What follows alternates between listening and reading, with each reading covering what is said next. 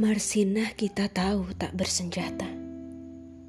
Ia hanya suka merebus kata sampai mendidih, lalu meluap ke mana-mana. Ia suka berpikir, kata siapa. Itu sangat berbahaya. Marsinah tak ingin menyulut api. Ia hanya memutar jarum arloji agar sesuai dengan matahari. Ia tahu hakikat waktu, kata siapa, dan harus dikembalikan ke asalnya. Debu.